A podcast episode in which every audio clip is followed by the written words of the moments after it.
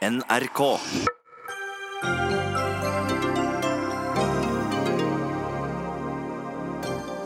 Norske idrettsutøvere som har aksjer i utenlandske spillselskaper er illojale, sier idrettspresidenten. Hadde du brydd deg skikkelig om idretten, hadde du heller jobbet for en fornuftig regulering av spillmarkedet, sier spillinvestor. Stortingsflertallet sa nei til å overføre psykisk syke fanger til helsevesenet. Et svik, sier SV.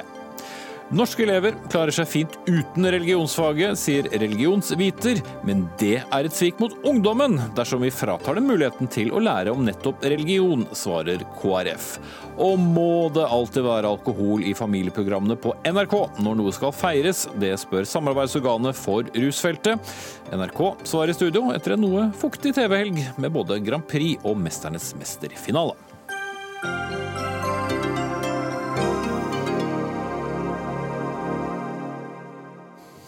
Sier vi god kveld og velkommen til Dagsnytt 18 med Espen Aas i studio. Vi starter med å snakke om penger, store penger og om spillpenger. For samtidig som Norges idrettsforbund stadig kjemper for spillmonopolet til Norsk Tipping her hjemme og dets eksistens, ja, så eier kjente norske idrettsutøvere aksjer i utenlandske spillselskap. Blant dem som har investert mest, er skiskytteren Tarjei Bø.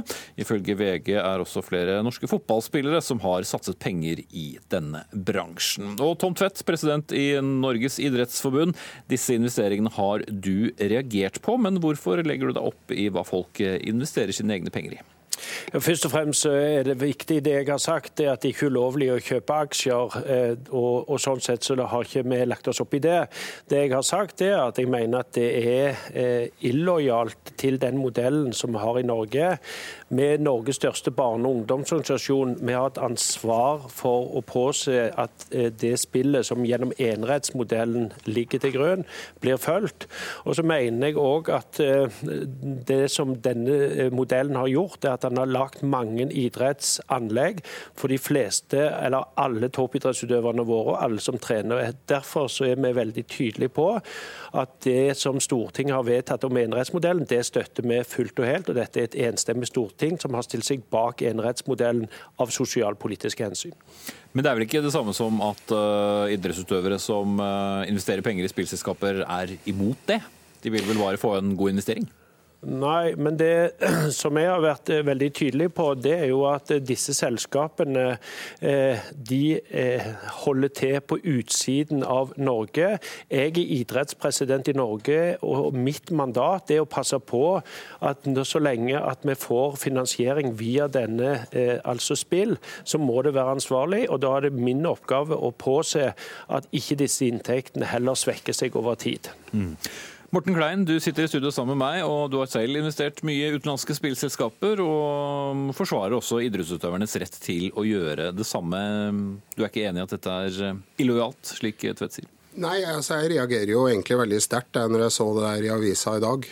Og spesielt det jeg reagerer veldig sterkt på, er jo at jeg syns jo at at Tom Tvedt går ut i, i, media og henger ut egne medlemmer av Norges idrettsforbund sine organisasjoner som illojale fordi at de har gjort en investering som da for så vidt Norge er jo, altså via oljefondet er jo Sist jeg så for over 26 milliarder i disse internasjonale selskapene.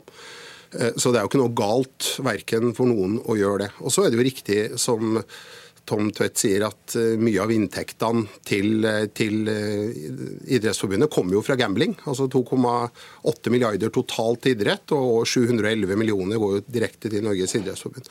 Da at Tvedt liksom, han, han glemmer jo her da at, at i dag så er det jo sånn at F.eks.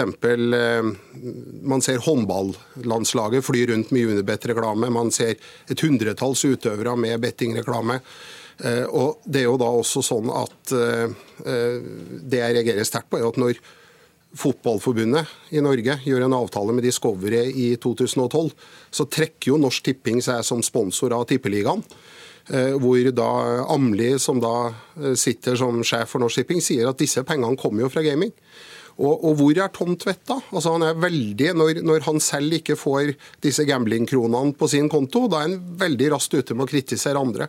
Og, og, Hadde Tom Tvedt vært ansvarlig, så hadde han jo heller sagt at la oss nå heller få på plass en regulering som ivaretar interessene til folk rundt omkring, istedenfor å fly rundt og dolke egne medlemmer i ryggen, som en gjør nå. Mm. Nei, jeg har jo ikke dolka noen. Dette har vi jo vært borti før. Det er jo at denne bransjen og McLean i spissen, som da ikke tilbyr ansvarlighet, men de tilsver meg mener jo eh, ansvarsløshet. Det vi har sagt bl.a. før, det er at det er ingen menneskerett å komme til OL. Du er medlem i Norges idrettsforbund og olympiske komité, og da er det som jeg har sagt om illojalt, det er at du svekker den løsningen som er nå, som bidrar til at våre 11 000 000 klubber får disse pengene. Og Jeg kan jo utfordre Klein eh, direkte tilbake igjen. Det er jo kun én grunn for at eh, man holder på med betting. Det er jo at det er høy avkastning. Og Det betyr jo igjen at de fleste av disse selskapene holder til på Malta. Og Det er vel ikke fordi at det er veldig mye frivillig arbeid å dele ut overskuddet på. Og Det er jo den utfordringen som vi ser, at dere er på vei inn gjennom mange kanaler for å ta denne enerettsmodellen og ødelegge for norsk idrett. Og Det er ingen grunn for at jeg skal bytte ut det som Stortinget for det er Stortinget som har vedtatt denne måten å håndtere spill på i Norge, og heller gå over til en lisensmodell, som de nå prøver i Sverige. Og det, det, det kom ut av der, det er 90 av svenskene, etter de oppløste dette, har sagt at de vil ikke ha mer reklame på TV.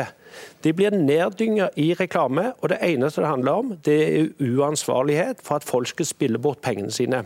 Og Det kan jeg, som president for Norges største barne- og ungdomsorganisasjon, ikke stå og se på. Mm. Ja, for Vi skal ikke sikre en stol her, Klein, at uh, du hadde uh, vunnet på om, om det ikke hadde vært et spillmonopol? Nei, det er jeg ikke enig i. I Sverige så ser vi jo at der, vi, altså, det selskapene jeg representerer, er jo regulert. Vi er børsnotert i, i, i Sverige. Vi har, vi har lisenser til å drive med spill i de fleste landene i Europa nå. Norge er kanskje et av få land i Europa som ikke har en lisensordning. En lisensordning er jo mye tryggere enn, enn å ha et uregulert marked som vi har i Norge. Jeg mener at vi er mer ansvarlige enn hva, hva Norsk Tipping er, isolert sett hvert enkelt selskap. Mm. Men Vil det gagne idretten? Ja, men det vil vi jo gjerne. Altså, hvis, hvis, vi fikk skatteinntekter til, til, Norge, så ville det jo gagna idretten også. Og, og, og, Det som er kanskje hovedproblemet her, er jo at eh, når Tvedt sier at dette liksom er ulovlig, det er jo ikke det. Det er jo fullt lovlig for nordmenn. I 19 år har nordmenn drevet og spilt på online-kasinoer, som de har full rett til pga. EØS-avtalen. Men kanskje det som, det som, jeg reagerer mest på, er jo at det er jo Norsk Tipping sine spill som på undersøkelser fra Universitetet i Bergen er de mest aggressive og spillene som har mest spilleproblematikk. Så, og Den største gamblingkongen i Norge er jo nettopp Tvedt. Og at Norges største barn- og idrettsorganisasjon skal bli finansiert av gambling, det, det syns jeg ikke noe om. Jeg syns heller at Tvedt burde jobba for og fått finansiert pengene sine over statsbudsjettet. Så, har vi verken, så kobler vi verken idrett og alkohol eller idrett og gambling. Det hadde vært det mest riktige å gjøre. For det er jo til sjuende og sist eh, at folk bruker penger på gambling som, som gagner idretten, da. Det kan vi jo ikke gjøre noe med. Jeg vil jo utfordre Klein direkte. fordi det er jo sånn at Du trenger ikke vente på en lisensordning for å bli ansvarlig. Vi blir nå, vi har ca. 1500 eh, annonser hvert døgn sendt fra England til Norge. Og Hvis du er så ansvarlig, og din bransje er så ansvarlig, så syns jeg du skal begynne å innføre med en gang ikke bonus for første spill. Du kan lage eh, eh, maks eh, spillgrenser. Dere kan være ansvarlig. Så hvis dere starter med det først, og viser at det er det dere vil, så får dere gitt det signalet. Når det gjelder endelig beslutning på dette, så ligger dette til Stortinget, okay, og norsk idrett støtter de. Eh, flere ganger, Klein. Ja, nei, altså, vi, er, vi har spillegrensa, vi er ansvarlig. Vi, vi, det er 3000 spilleselskaper som tilbyr spill mot Norge i dag, og jeg, jeg, kan ikke gå god for hva alle andre gjør. Vi føler at vi har et mer trygt og sikkert regime enn en, en hva, hva f.eks. Norsk Tipping har. At, at, Norsk Tipping er de mest aggressive spillene som skaper flest spilleavhengighet, det beviser det. Eh, det som egentlig var temaet her i dag, er jo at jeg syns at Hvorfor går ikke Tvedt til, til som, altså Så lenge Fotballforbundet kan sitte og tjene milliarder av fra internasjonale gamblingselskaper. Da er det helt OK for Tvedt så lenge pengene går til han og hans organisasjoner.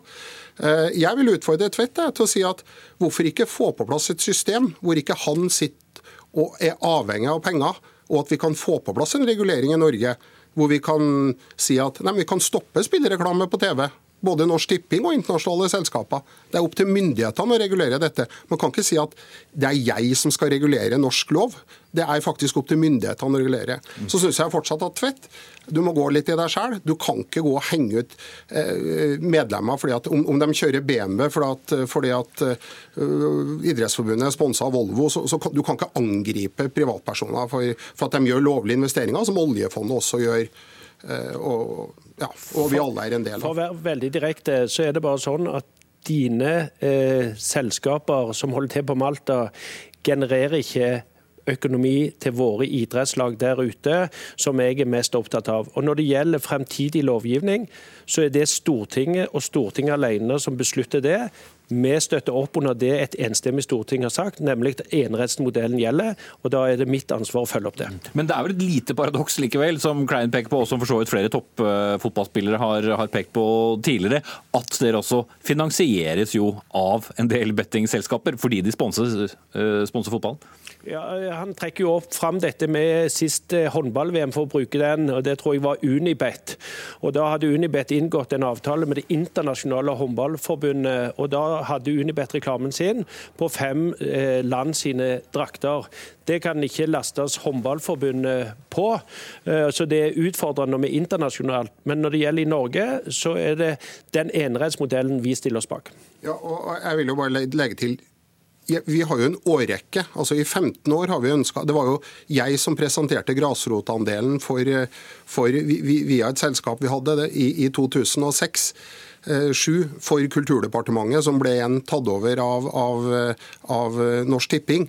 Eh, jeg, jeg, må bare gjenta. Vi ønsker alle selskaper som er store i Norge, ønsker å være med og bidra til norsk idrett. Men da må man jo få lov å gi penger. Altså, man, man, man, har jo rett til å bruke skatt, som man gjør i Sverige. og 90, Over 90% av inntektene til våre selskaper er fra regulerte markeder. Jeg... Da tipper jeg at vi har eh, gjentatt både det poenget og dine poenger flere ganger her, eh, Tom Tvedt. Vi stanser der. President i Norges idrettsforbund, Tom Tvedt, med oss fra Bergen, og Morten Klein, spillinvestor og styreleder i Cherry her i studio. Dagsnytt 18 alle hverdager kl 18.00 på NRK P2 og NRK2.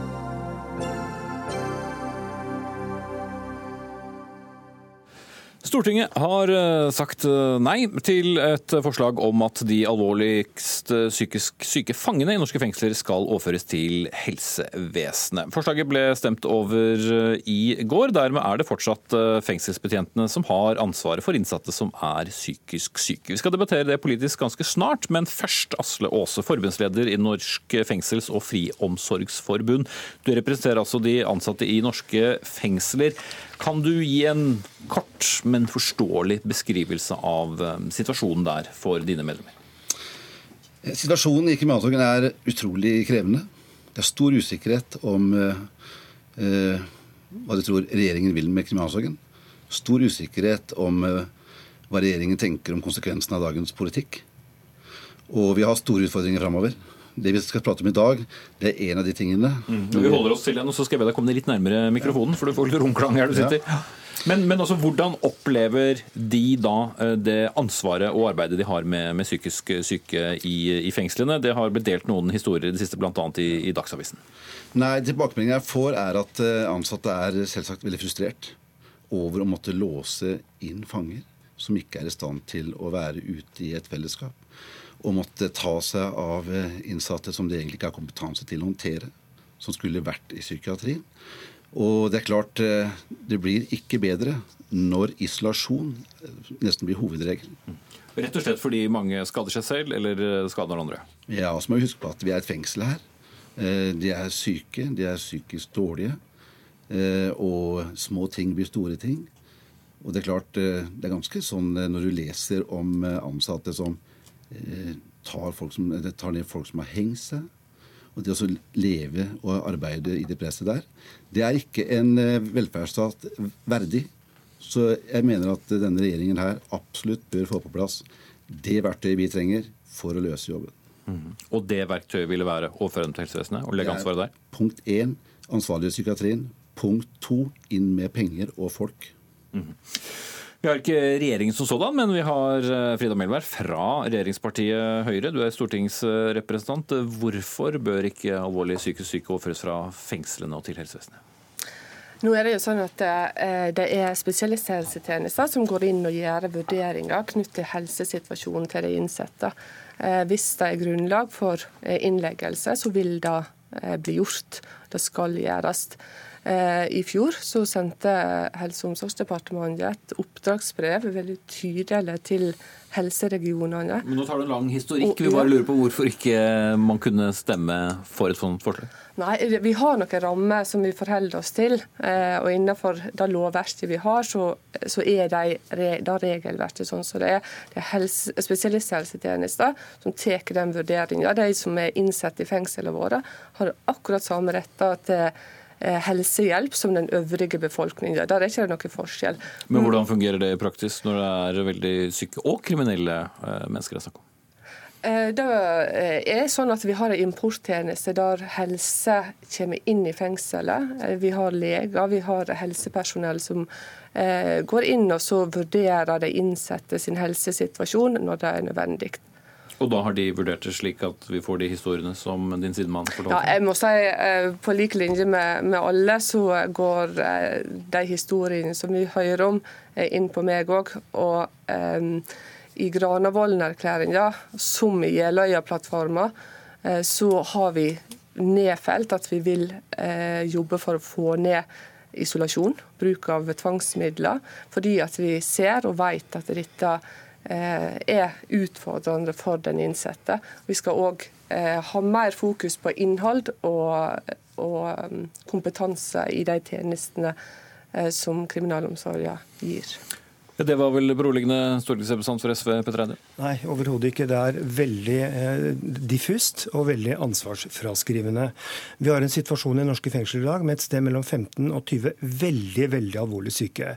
Vi snakker om at de kan knapt gjøre rede for seg. Eh, de er, eh, de er suicidale, de eh, tilgriser cellene sine med avføring og spy. Og de angriper fengselsbetjentene. Veldig, veldig psykisk syke. Denne gruppa har ingenting i fengsler å gjøre. Det er utgangspunktet. De har ingenting i fengselet å gjøre. Mitt forslag til Stortinget var eh, veldig enkelt. Det handlet rett og slett om at Stortinget skal bestemme at kriminalomsorgen skal fritas for ansvaret for denne gruppa. Skal lages, Stortinget skal lage, eller be om lage, at det skal lages bestemmelser, sånn at uh, fengselsbetjenter ikke skal ha anledning, eller være nødt til, da, fordi de har ingen annen mulighet, uh, til å stenge disse inne på cellene sine over tid. I noen fengsler i Norge i dag så sitter noen av de alvorlig psykisk syke har vært innestengt i fem-seks år. Ikke sant? Uh, og Det burde være enkelt å forstå, for de er så syke. De har ikke noe der å gjøre. Og de skal være i psykiatrien. Og jeg lagde konkrete forslag som i går ble, nedstemt. Som ble nedstemt. Og jeg forstår det rett og slett ikke.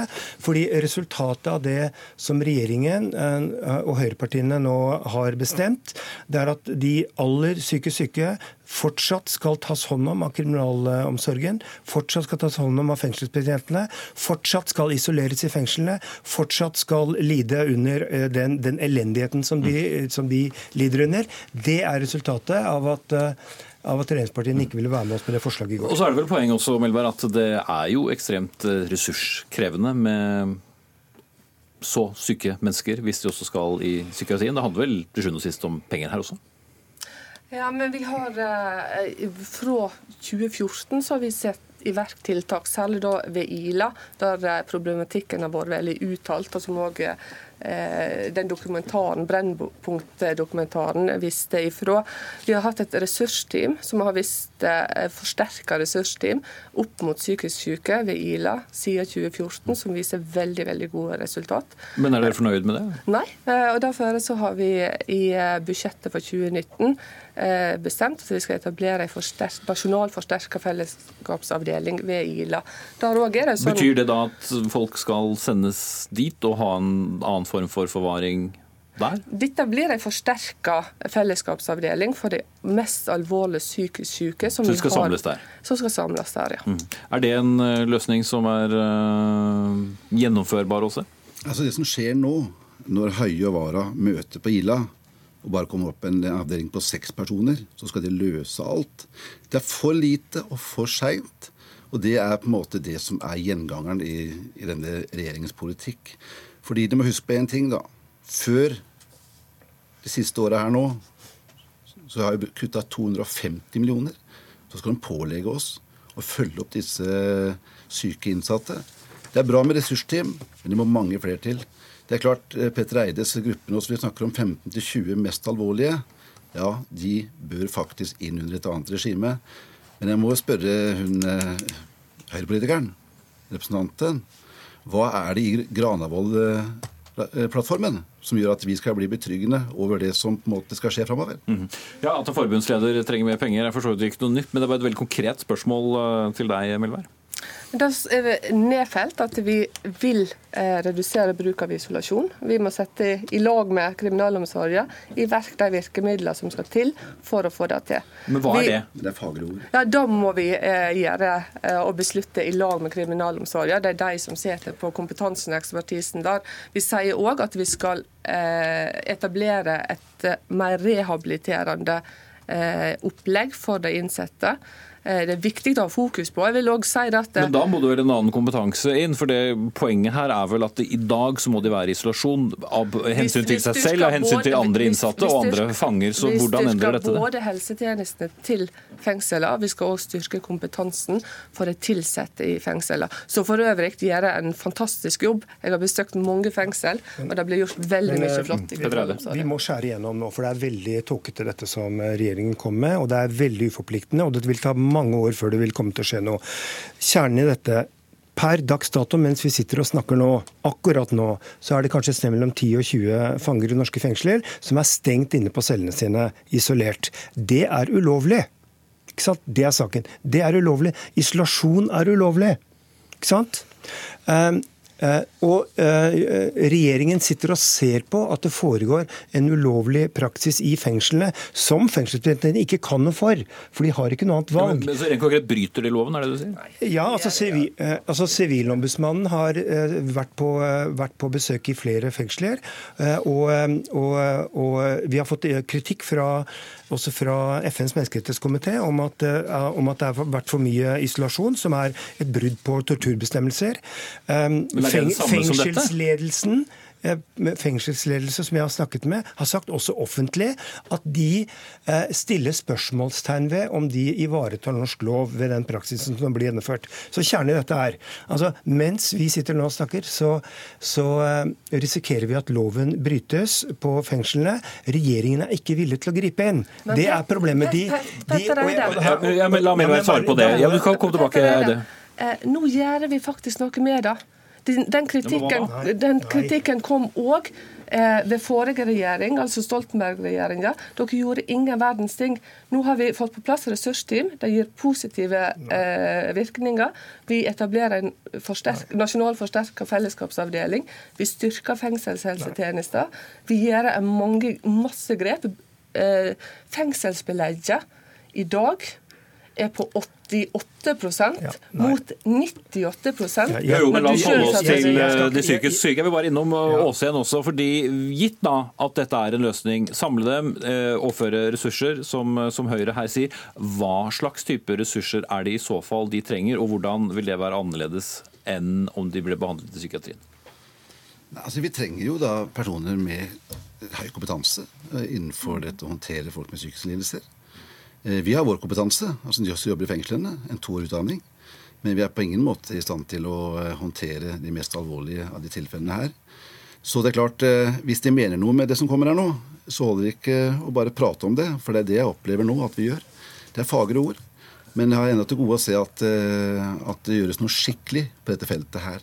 Og vi har det mest alvorlige, men vi har veldig mange andre som de, de ser bort ifra, som isoleres over en lav sko. Hvorfor det?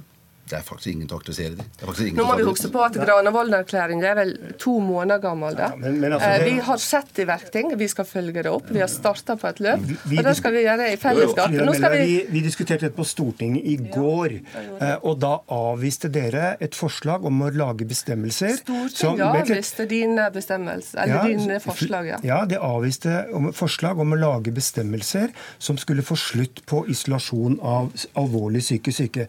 Du avviste det. Du stemte imot det. Det betyr at resultatet av din, av din, ja, men resultatet av din votering i går er at det sitter altså en gruppe i fengsel som fortsatt vil være isolert over lang tid. Det vil ta mange år før disse tiltakene vil være iverksatt. Den hvis dere er på, la meg snakke ferdig. Hvis dere hadde vært med på vårt forslag i går, så kunne vi fått til raske bestemmelser som hadde avklart ansvaret, forhindret at kriminalomsorgen hadde isolert denne gruppa, og, og, og sikret behandling til denne gruppa i psykiatrien. Det stemte du imot. Det må du ta ansvar for. Du må ta ansvar for at denne gruppa nå i tiden framover kommer til å få det enda verre, fortsatt vil være isolert over lang tid. Vi Da skal du få avslutte, vi har den første regjeringa som faktisk tar tak i disse problemene. Men når ser vi resultatene? Vi ser resultatet allerede nå. Vi har satt i verk mange tiltak som vi ser positive effekter av. Ser du resultatet av at du har satt i gang tiltak, Vi- eller ser vi- du resultat vi- av tiltakene? Vi ser resultat av tiltakene. Vi skal sette i verk tiltak i løpet av året nå. Og vi kommer sannsynligvis også til å utvide tiltak. Dette er et tema som òg ligger oss på hjertet, som vi ønsker å følge opp. Det som Petter Eide eh, sier her, det er jo det at eh, altså, domstolene er det de som dømmer om du skal i fengsel eller i tvungen eh, psykisk Du helsevern. vei inn i en annen eh, debatt. det, handler om at disse folka skal være i psykiatrien. Stortingsrepresentant fra og ikke i SV. Frida Melvær, stortingsrepresentant fra Høyre. Og Asle Aase, forbundsleder for Norsk fengsels- og friomsorgsforbund.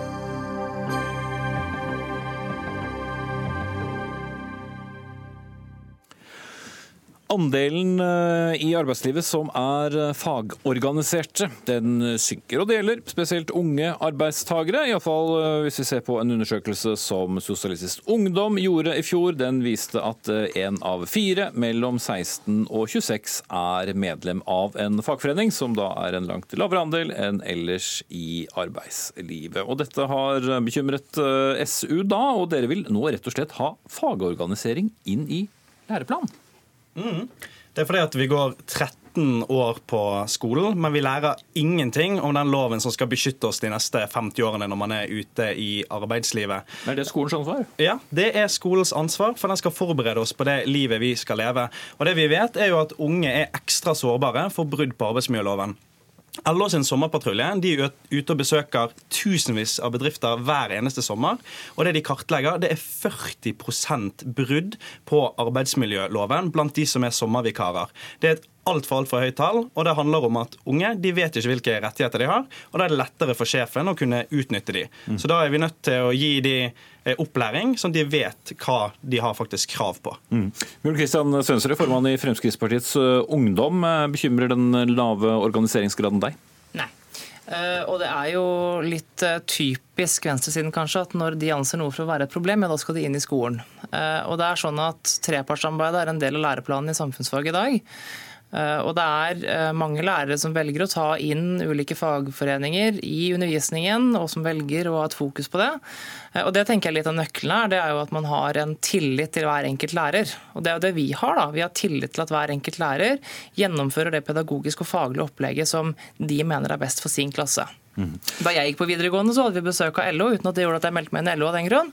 Um, så jeg tenker at dette er noe som lærerne i størst, størst mulig grad burde få lov til å velge selv. Jeg tror egentlig at dette forslaget fra SU i størst mulig grad handler om eh, at de er redde for at unge mennesker ikke lenger skal se det de mener er denne store verdien og det er de kollektive løsningene. Vi heier på individet eh, og satser på at dette betyr eh, at flere individer går sin retning. Du nevnte jo selv LOs eh, sommerpatrulje. Er det ikke nettopp de som skal gjøre det, og Unio og alle de andre store fagorganisasjonene, i tillegg til at du er fullt frivillig om du vil være organisert eller ikke. De gjør en kjempejobb når de er ute og kartlegger brudd på arbeidsmiljøloven.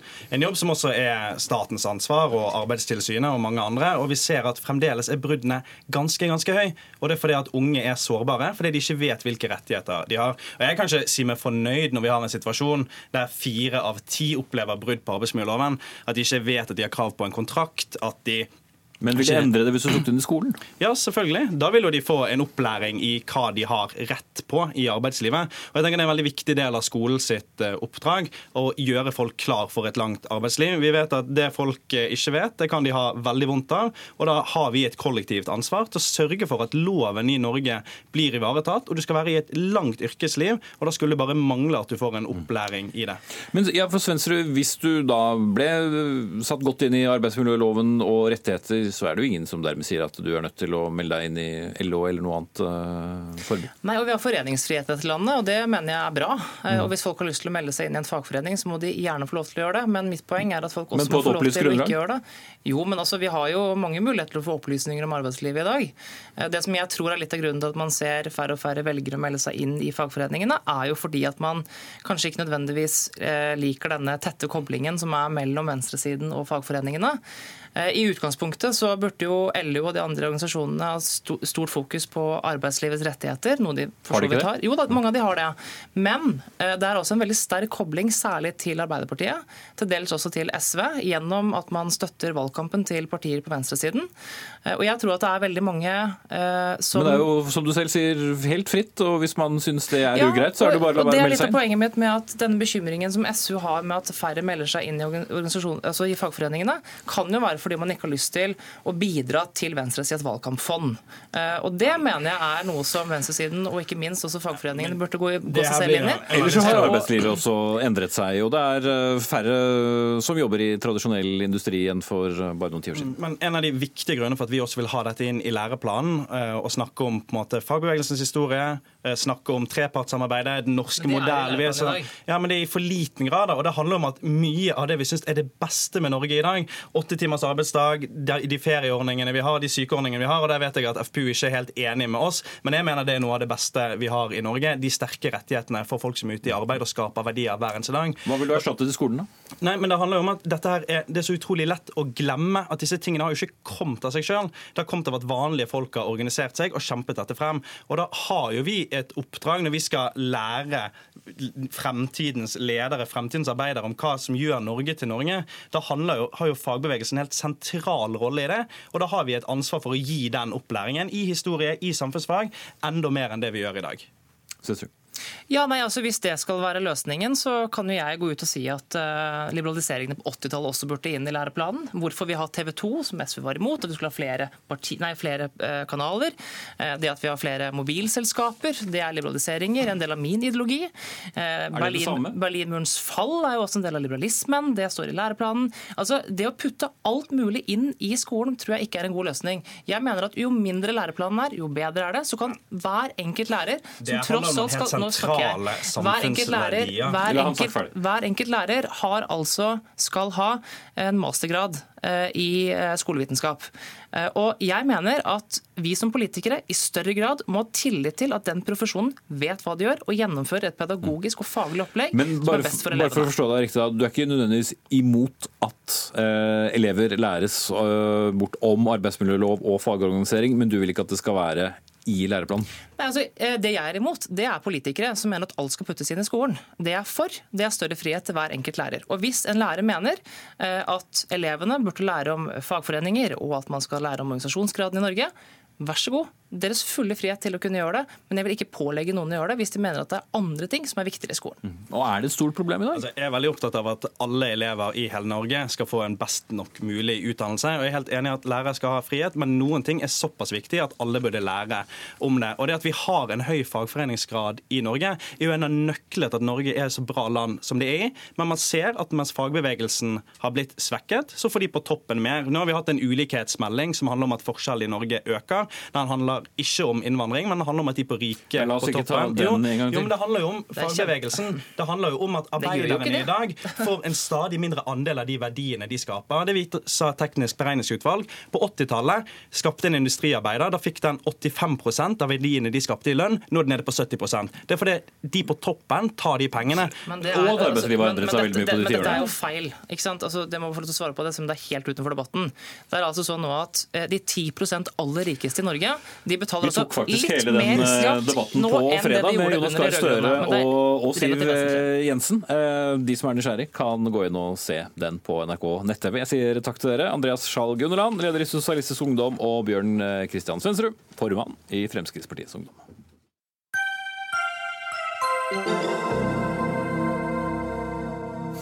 Og nå skal vi eh, rette blikk eh, utenriks. Vi skal til et land vi faktisk ikke snakker så ofte om i eh, Dagsnytt 18. Vi skal til Canada. Og der blåser det ganske friskt om dagen rundt landets statsminister Justin Trudeau. Den liberale politikeren som gjorde et brakvalg i eh, 2015, da partiet hans gjorde et formidabelt En femdobling faktisk i antall folkevalgte, men nå har jubelbrusen stilnet til dels. To statsråder har trukket seg, og opposisjonen krever at han må gå av pga. en korrupsjonssak. Og Korrespondent Veronica Westrin i, i Washington med ansvar for Canada også. Hva er det Trudeau nå har blitt viklet inn i? Ja, Det er virkelig dramatiske dager i canadisk eh, politikk. Eh, Justin Trudeau han beskyldes altså for å ha utøvd, og hans nærmeste, for å ha utøvd politisk press eh, i en pågående korrupsjonssak. Og først så var det da altså justisministeren i landet som trakk seg. Eh, Hun sa at over flere måneder fra Trudeaus nærmeste hadde kommet eh, press om at hun skulle forsøke å få til et forlik i denne korrupsjonssaken utenom rettssystemet eh, for å spare canadiske arbeidsplasser. På mandag så trakk nok en statsråd seg. Hun er ansvarlig for budsjettene i Canada, og også en av Trudeaus nærmeste venner og rådgivere har gått av så langt i denne saken. Eh, Men hvorfor er dette så alvorlig at opposisjonen nå mener at eh, den en gang så eh, populære politikeren nå må gå av? Vel, han er kanskje fortsatt populær, men det blåser i hvert fall friskt. Ja, De mener jo at eh, han har eh, brukt sin makt på en feil måte og utøvd dette politiske eh, presset. Det gjelder helt konkret et firma kalt SNC Lavalin, som, som i 2015 ble sikta for å ha gitt bestikkelser i Libya over en tiårsperiode fra 2001 til 2011. og, og som da og som da skulle opp i rettssystemet, og hvor da eh, Trudeaus folk eh, da sies å skal ha utøvd dette presset for å, for å få til et forlik utenom, utenom rettssystemet. Sjelden har vel en kanadisk statsminister fått eh, så mye positiv oppmerksomhet som da han eh, ble eh, valgt inn i, i 2015. Alle ville tas bilde av sammen med Justin Trudeau. Alle ville høre om dette liberale utstillingsvinduet. Så hvor sårbar er han egentlig? Ja, Nå daler jo denne populariteten. Det viser de siste meningsmålingene. Denne saken påvirker også.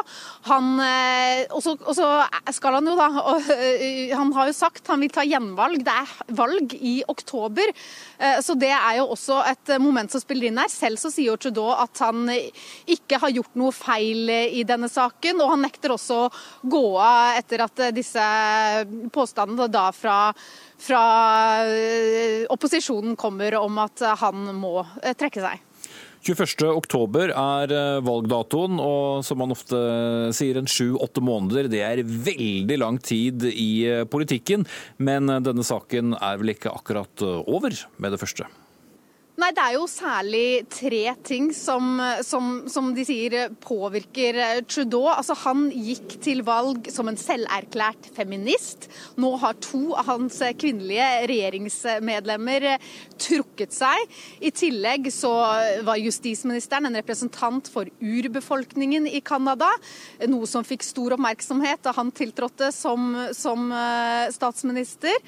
Og, og, dette er jo altså en, en, sak som svekker også hans kjerneverdier. Han snakka jo også varmt om hvordan han ønska at den nye regjeringen skulle være transparent og stå for demokratiske verdier. Så alle, alle disse punktene er jo nå noe Trudeau får mye kritikk på, og som påvirker han. Og I tillegg så har jo da etikkommisjonen, uavhengig etikkommisjonen i Canada, valgt å gå inn og se på disse påstandene som kommer om at det er utøvd politisk press. Og det er jo de som vanligvis gir råd om hvordan politikere skal håndtere etisk vanskelige saker. Justin Trudeau, mannen som kom veldig høyt opp i canadisk politikk, og så er det det vanskelige ved å holde seg nettopp der. Takk skal du ha, Veronica Westrinen, med oss fra Washington. Hør Dagsnytt 18 når du vil. Radio NRK Radio.nrk.no.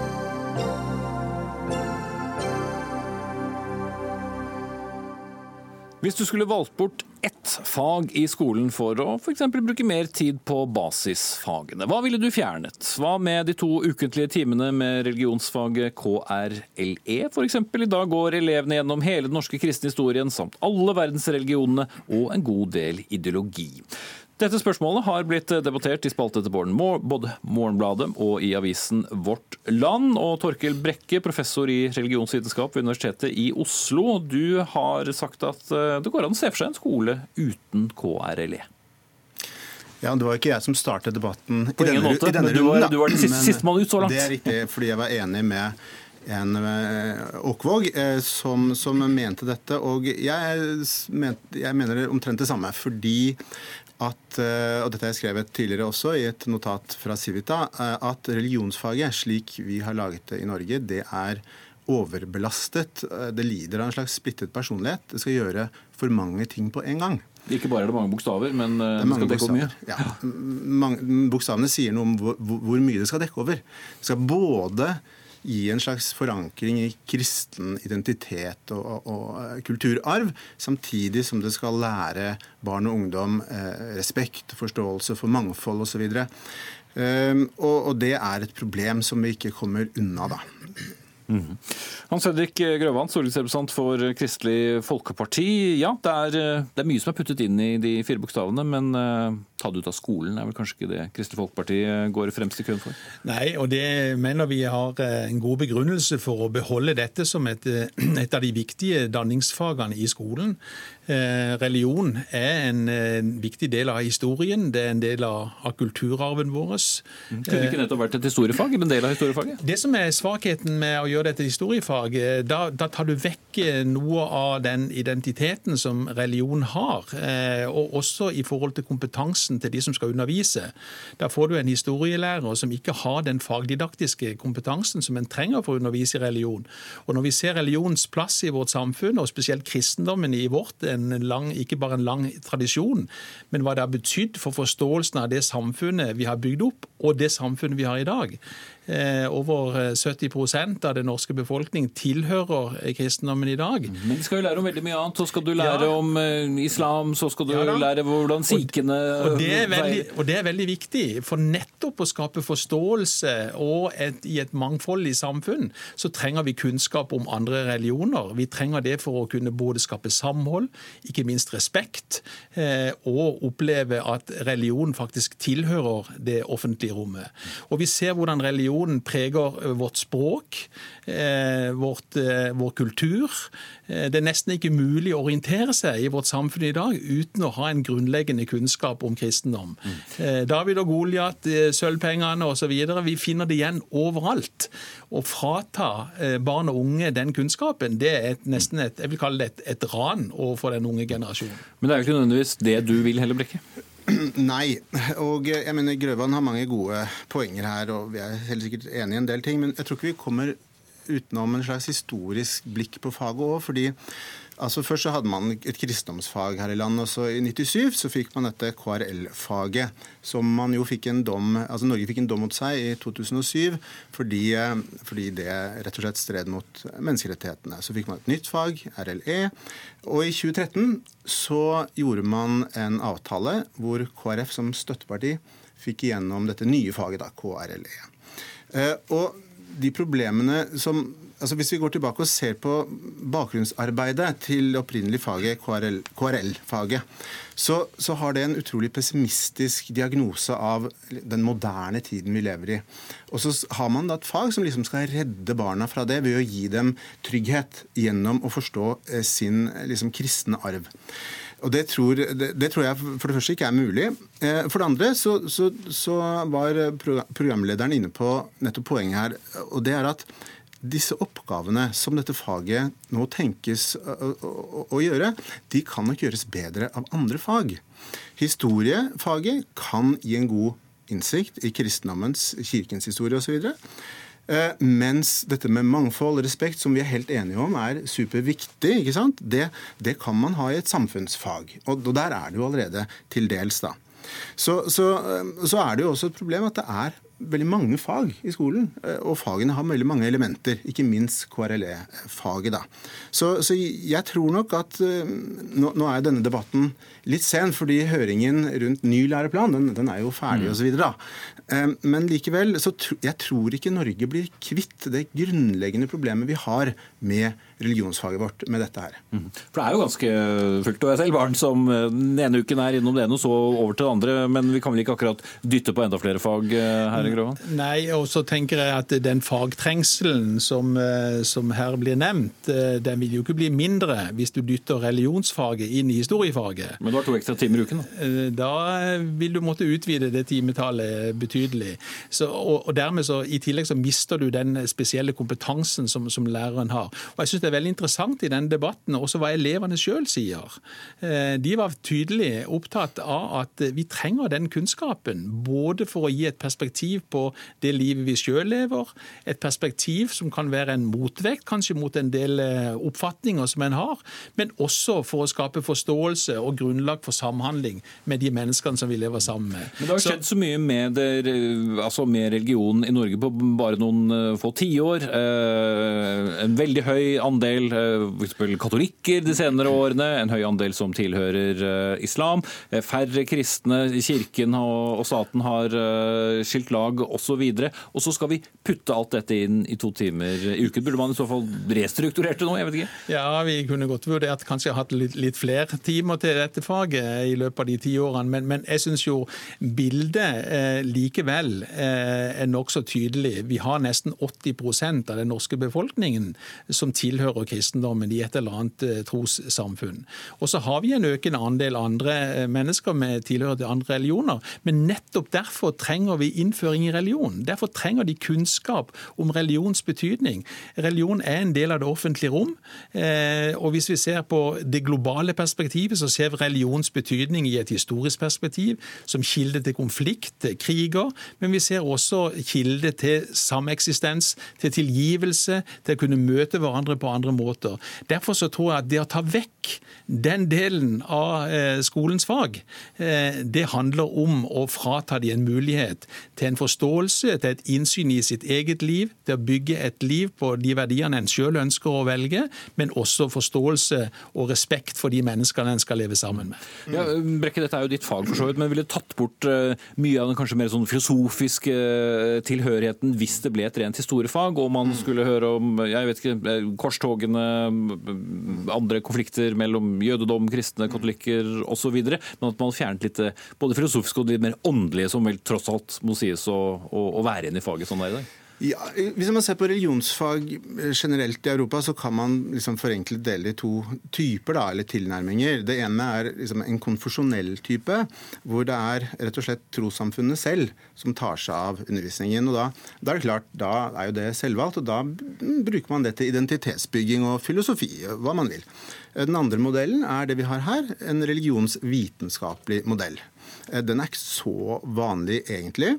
Eh, det er en fare ved den som jeg tenker at vi ikke snakker nok om. Og det tenker jeg fordi at Grøvan nevner eh, riktignok at religion er viktig i samfunn, historie osv. Men den religionsvitenskapelige modellen og perspektivet som, som vi har i vårt religionsfag, står også i fare for å gjøre religion til viktigere enn det egentlig er.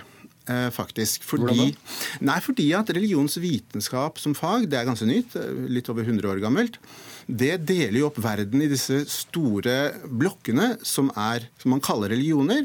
Og i det ligger det på en måte at vi ser på disse som liksom konkurrerende enheter. Konkurrerer om, om følgere, ressurser osv. Det ligger jo også litt i faget når man har bestemt at kristendommen må ha minst halvparten.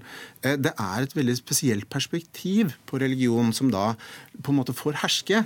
Det er ikke sikkert at det er det vi ønsker å formidle til barn. Mm -hmm. Jeg tror kanskje Grøvan ikke syns det er så rart?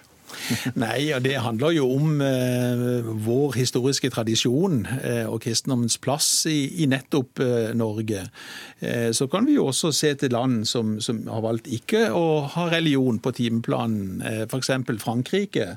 Eh, jeg vil jo ikke akkurat si at de framstår som et mønster når det gjelder å skape forståelse og respekt eh, for ulike måter å, å tenke om problemer og konflikter på. Så jeg syns vi har en lang og god tradisjon i Norge. Vi har klart å bruke dette faget både til å formidle en viktig del av vår kulturarv, fremheve kristendommen naturlig nok fordi at eh, de fleste tilhører den, og den har betydd mest for vårt samfunn, samtidig som vi har klart å skape mangfold eh, og eh, respekt og toleranse for annerledes tenkende. Og Det gjelder jo ikke bare religionsfaget, men det gjelder jo også andre fag. Men, men også i det faget der, og jeg tror vi har lykkes med det. Og samtidig, når elevene sjøl ønsker dette, så syns jeg det også er et viktig signal eh, som vi skal lytte til. Eh, og sørge for at eh, det ikke blir en eh, endring nettopp i den delen av timeplanen. Og det ligger jo heller ikke an til, som Torkel Brekke, professor i regionsvitenskap, poengterte. Takk skal du ha, og takk til Hans Fredrik Røvan fra Kristelig Folkeparti.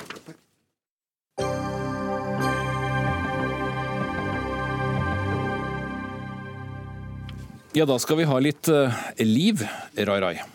Er det noe liv her i kveld?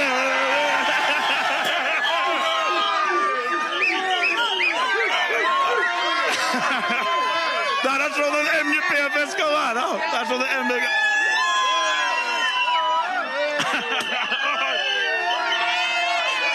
Jeg har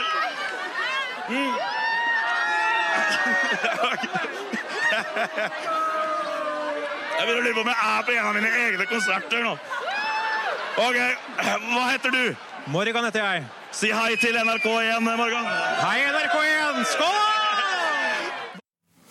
Ja, her hørte vi og så, for dere som følger sendingen på, på fjernsyn, hvordan NRK-programleder Stian Staysman Torbjørnsen, som utgående reporter på en Melodi Grand Prix-fest i Østfold lørdag, ga folk et lite innblikk i hvordan en MGP-fest skal være, for å sitere riktig. Kvelden før ble champagneflasken sprettet til ære for 'Mesternes mestervinner' Pål Anders Ullevålseter på samme kanal.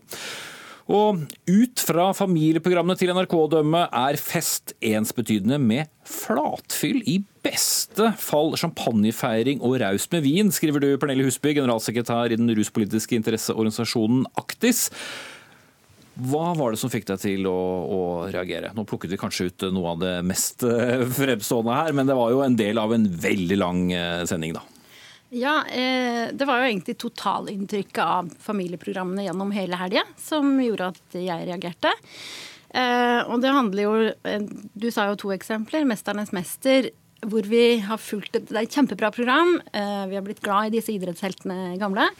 Eh, og når det da kåres en vinner, så bringes alkoholen på banen. Eh, og det samme under Melodi Grand Prix. Det var jo også stettglass på scenen der artistene, etter at artistene hadde fremført sine bidrag. Men Tenker du da flatfyll, eller tenker du at her feirer man noe og gir et innblikk i hvordan vi feirer med måtehold? Det handler jo selvfølgelig om at alkoholen får en plass i sendingen. Eh, og, og, så hadde vi jo VM-sendingene fra Seefeld også, hvor det var feiring i smørbua, det var feiring i løypene. Og NRK er med på å bidra til å si at alkohol skal være en del av eh, fest og feiring. Eh, og det reagerer jeg på. Jeg tenker at NRK eh, bør sørge for at det er en diskusjon. At hver gang man velger å vise alkohol i forbindelse med kos og feiring og fest. Eh, nettopp fordi vi vet at det er 90 000 barn som lever med én eller to foreldre som sliter med alkoholbruk. Eh, og at for dem så er det jo noe med hva de oppfatter av TV-sendingen. Og jeg tror at hvis man hele tiden skal dra inn alkoholen, så gir man en signal til dem om at det som de sliter med til hverdags, eh, med både sliter med og lider under, er noe som samfunnet tenker at det er greit og gøy. Og ja. det er ikke ålreit. Ok. Arne Helsingen, du er TV-sjef her i NRK. Blir det ikke fest uten alkohol? Eh, jo, absolutt. Det er jo vår Altså, vi har en veldig bevisst holdning til at lørdag, altså fredag lørdagskvelden, eh, helgene hvor familien samles, skal være et trygt og hyggelig sted å være. Og, og vi måte, vi, vi, har, vi har lest kritikken deres og, og, og, hører den. Og jeg tenker at uh, når det gjelder 'Mesternes mester', så, så, mener jeg at vi har vært uh, veldig tydelige hele veien med den produksjonen. At der er det altså kun et, uh, kanskje et glass vin, maks. de fleste drikker brus. så de, selve de middagene er veldig Jeg mener at det er ingenting der som, som, som sier noe om om at det er fest og moro med alkohol. Eh, når det kommer til den feiringen med champagnespruten, så er det noe som er veldig gjennomført i sportsverden og flere andre steder som en slags sånn, ja, en, en, måte å feire på vi er veldig visuelt godt kjent med. Eh, og det tenker jeg er eh, grunnen til at vi har brukt den, den varianten der. Og god TV? Eh, ja, det gir jo god TV at man spruter med en champagneflaske. Den kan jo i og for seg være alkoholfri også, men det er litt vanskelig å merke det. Men for det er kan... alkohol i glassene, og det er alkohol i champagnen? Bare ja, for å ha ja. presisert det? Ja, men det, det er i så fall i veldig små mengder. Mm. Jeg tenker jo at det her er ganske fantasiløst. At vi har eh, gode anledninger til å vise fest og god stemning uten å måtte ta inn den champagneflaska. Eh, og dessuten så Det, det, det Søler du mer enn du drikker den, da? jo, for så vidt. Men, men eh, med tanke på dem som skal oppfatte det, altså de som sitter i stua og ser, så er det jo det signalet som gis, at det er alkohol. At det er en nødvendig del av en feiring. Eh, og der eh, viser jo resten av 'Mesternes mester' har jo vært en fantastisk fremvisning i å kunne vise andre bilder. Og jeg tenker at det må være en del av diskusjonen hver gang man skal vise Man har anledning til å vise alkohol. Skal man gjøre det, eller skal man ikke? Og da eh, Eh, og, og her synes jeg det vitner om at man ikke har tatt den diskusjonen. Og det skulle jeg ønske var en sånn ryggmargsrefleks. Men bare for å utfordre det litt, da, så er jo et helt lovlig rusmiddel i, i, Norge. Og for å snu litt på argumentet ditt om barn som opplever alkoholmisbruk. Her ser vi jo nesten da utelukkende eksempler på hvordan man i så fall kanskje skal forholde seg til et lovlig rusmiddel, da, nemlig med, med måtehold eh, og et glass her, og man bruker heller med å sprute med, med boblene enn å drikke seg full. Ja, men da snur man jo litt på argumentet. fordi eh, for dem som sliter med dette, eh, så er det jo med, tenker jeg det er dem vi må tenke på først og fremst. Jo, men Er det ikke en forskjell er det jeg prøver å komme frem til, i å ha noen vinglass bak på scenen enn å se noen som er full? Som ja. selvfølgelig alle barn vil reagere på å se en voksen person full, enten, enten hjemme eller på TV. går ut fra. Ja, men da er også spørsmålet hvorfor må man vise den alkoholen? Det, når man ut utmerket godt kan eh, lage en familieunderholdningsprogram eh, der man ikke viser alkohol. Og I tillegg til at det er noen barn som sliter fordi de har eh, negative erfaringer med rus i hjemmet, så er det mange voksne som også har et alkoholproblem selv, og mange familier som ikke drikker av helt andre årsaker. Så det å, for en statskanal å måtte inkludere alkohol i enhver setting, er også noe med å, ikke forstå hvor, hvordan man kan inkludere alle. Mm. Ville vært en dårligere fest med bløtkake, ballonger og altså, girlander eller jeg vet ikke hva? Men eh, det, er, det har gitt oss en idé, og det er klart at vi kan, vi kan helt sikkert finne på andre måter å feire på. Jeg tror nok vi også kan sprute litt champagne innimellom.